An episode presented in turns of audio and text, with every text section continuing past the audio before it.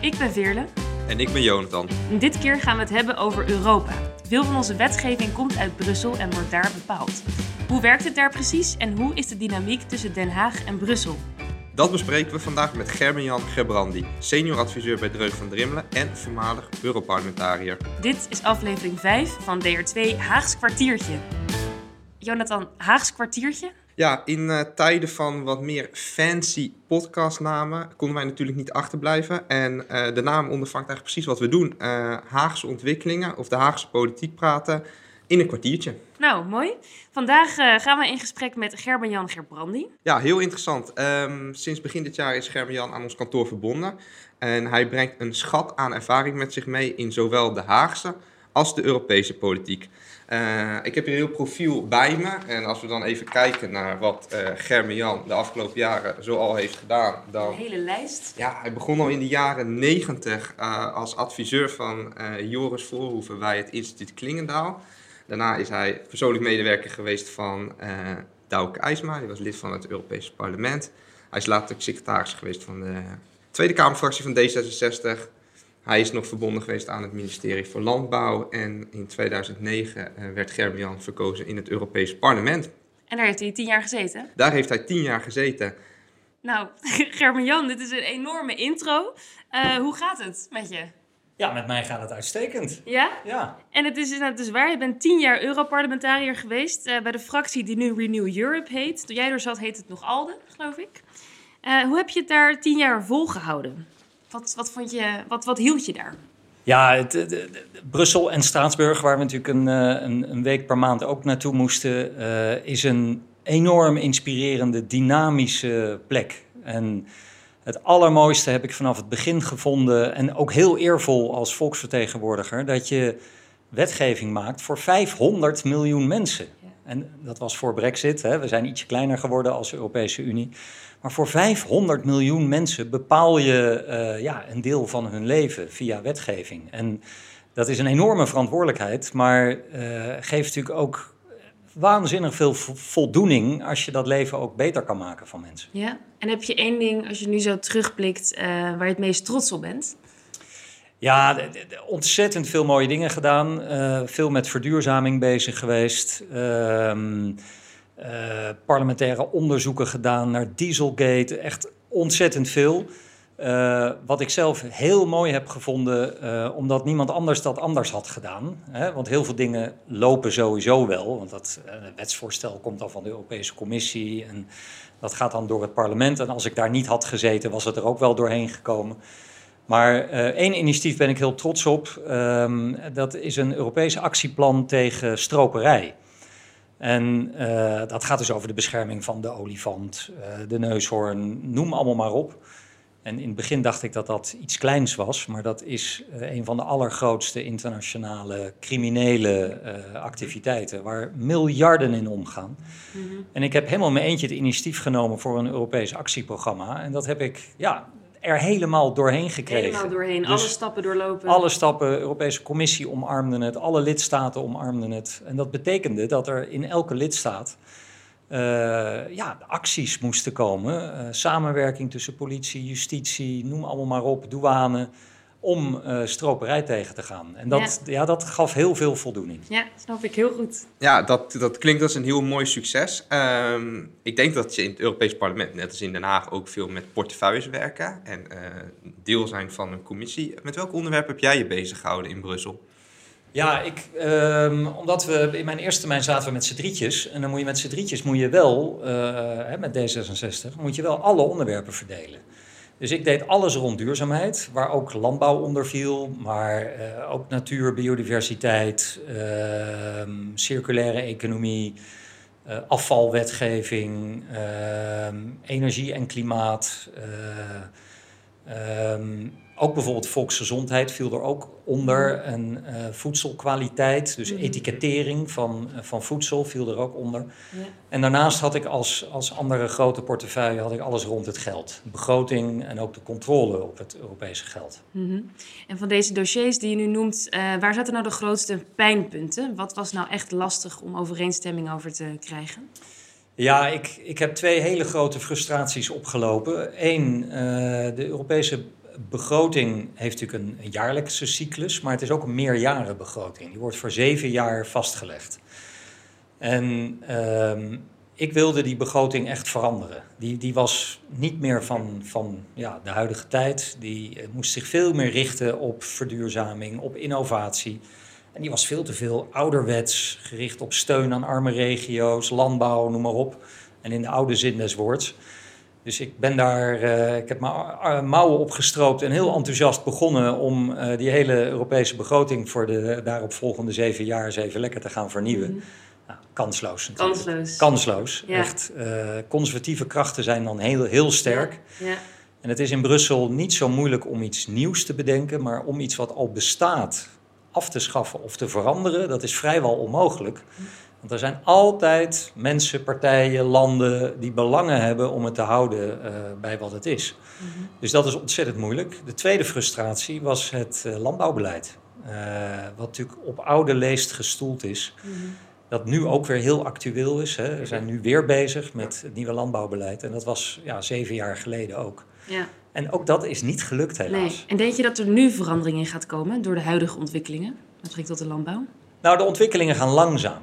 En ze gaan gelukkig wel ietsje sneller, maar je, je ziet nu ook bij de, bij de onderhandelingen over het landbouwbeleid, zie je dat echte verduurzaming en, en vernieuwing om niet het geld ja, eigenlijk zonder echte tegenprestatie naar Europese boeren te laten gaan. Ja, dat zie je dat dat toch nog wel blijft. Alleen, er komt wel iets meer aandacht voor vergroening. Uh, er is iets meer aandacht om, om niet het meeste geld naar al rijke boeren te laten gaan.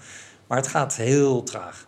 Als Europarlementariër ben je natuurlijk ook onderdeel van een grotere groep. Uh, Veerle noemde dat net al. Uh, jij was onderdeel van uh, ALDE destijds. Hoe gaat dat in zijn werk? Hoe ziet het werk eruit van een Europarlementariër binnen zo'n grote groep? En zijn er bijvoorbeeld verschillen in, in fractiediscipline? Of hoe, hoe deals worden gesloten? Zou je daar eens wat meer over kunnen vertellen? Ja, nee, zeker. zeker. Ehm, toen ik begon had je de Christendemocraten en de Sociaaldemocraten. Dat waren de twee grote fracties. En die hadden samen een meerderheid. De liberalen, uh, ALDE, nu Renew, die kwamen daar als derde achteraan. En we waren echt wel een stukje kleiner. Maar wij konden wel de doorslag geven als de twee grote partijen het niet eens waren. En dan waren wij vaak de kingmaker. Ja. Dus we, Goede onderhandelingspositie. ja, dus we maakten ook analyses en dan zagen wij dat wij meestal aan de winnende kant zaten bij, bij belangrijke stemmingen. Nou, dat, dat was een hele mooie positie. Betekende natuurlijk wel dat je, eh, als je namens je eigen fractie onderhandelde, moest je wel zorgen dat die fractie achter jou stond. Ja.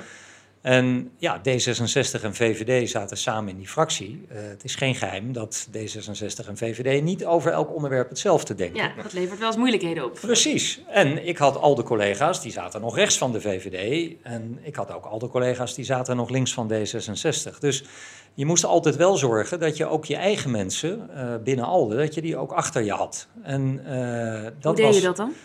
Ja, veel, eh, veel met elkaar overleggen. Eh, af en toe ook een vuist op tafel. Eh, betekent ook dat je op andere dossiers misschien af en toe wat water bij de wijn moet doen.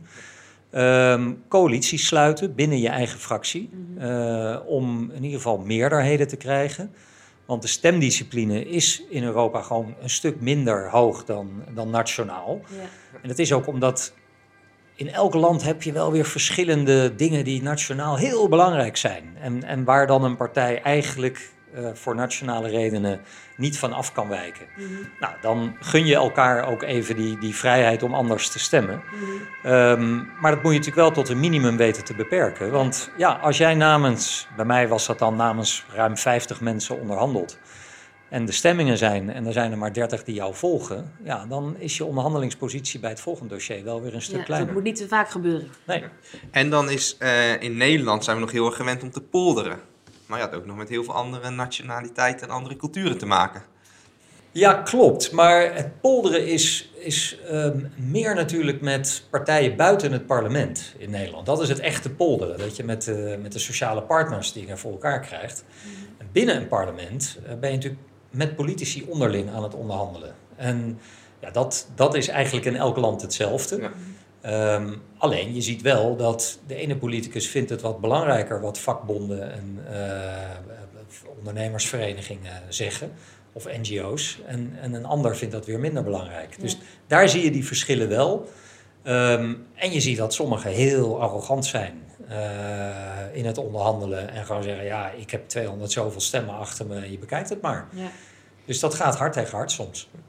En is dat nou uh, vergelijkbaar met Den Haag? Of zie je gigantische verschillen? Nou, het mooie is dat uiteindelijk komt politiek altijd op hetzelfde neer. En dat is hoe mensen, individuen met elkaar omgaan. En dat heb je trouwens ook buiten de politiek. Hè? Dat heb je ook bij je, bij je voetbal- of je tennisvereniging. Ehm, als mensen met elkaar goed samen kunnen, uh, dan gun je elkaar ook dingen. En dat, dat helpt in onderhandelingen. En ehm, als je elkaar waardeert, je weet dat je elkaar kan vertrouwen, uh, dan accepteer je ook als iemand op een gegeven moment zegt van ja, sorry, maar ik kan hier gewoon niet in meegaan. Mhm. Dit krijg ik niet door mijn fractie heen. Mhm. Als je elkaar niet vertrouwt, dan denk je ja, maar dit is, dit is gewoon een truc. Dit is een onderhandelingstruc. Ja.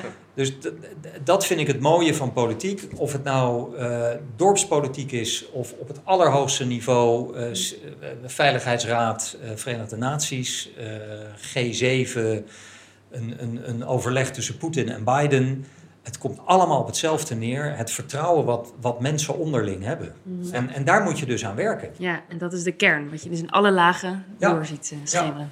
Ja. En als we dan weer teruggaan van, van Biden en Poetin, uh, terug naar Den Haag, waar jij net over begon, uh, Veerle.